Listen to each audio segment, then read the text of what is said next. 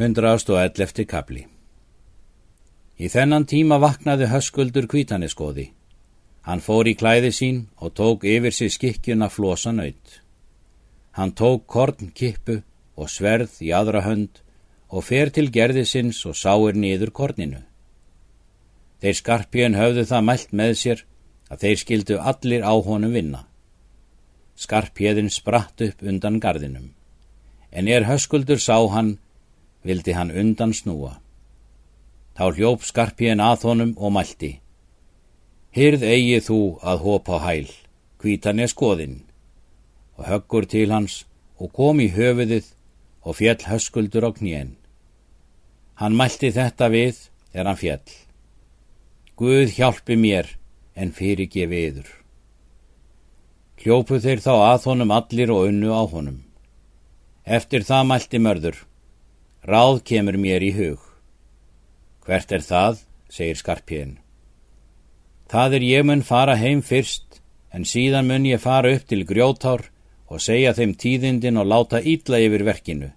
En ég veit víst að Þorgerður mun byggja mig að ég lýsi víunu og mun ég það gera, því að þeim meiga það mest mála spell verða. Ég mun og senda mann í Ossabæ og vita hversu skjótt þau taki til ráða og mun sá spyrja þar tíðindin og mun ég láta sem ég taki af þeim. Far þú svo með vist, segir skarpjén.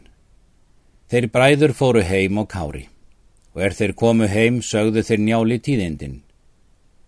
Hörmuleg tíðindi eru þetta, segir njál, og er slíkt illt að vita, því að það er satt að segja að svo fellur mér þetta nærum trega að mér þætti betra að hafa látið tvo sónu mína og livði höskuldur. Það er nokkur vorkun, segir Skarpjén. Þú ert maður gamall og er vonað þér falli nær. Egi er það síður en elli, segir Njál, að ég veit gerr en þér hvað eftir mun koma. Hvað mun eftir koma, segir Skarpjén. Dauði minn, segir Njál, og konu minnar og allra svona minna. Hvað spáir þú fyrir mér, segir Kári. Erfitt mun þeim veita að ganga í mót giftu þinni, segir Njál, því að þú mun þeim öllum drjúari verða. Sjá eitt hlutur var svo, að Njáli fjell svo nær að hann mátti aldrei óklökkvandi umtala.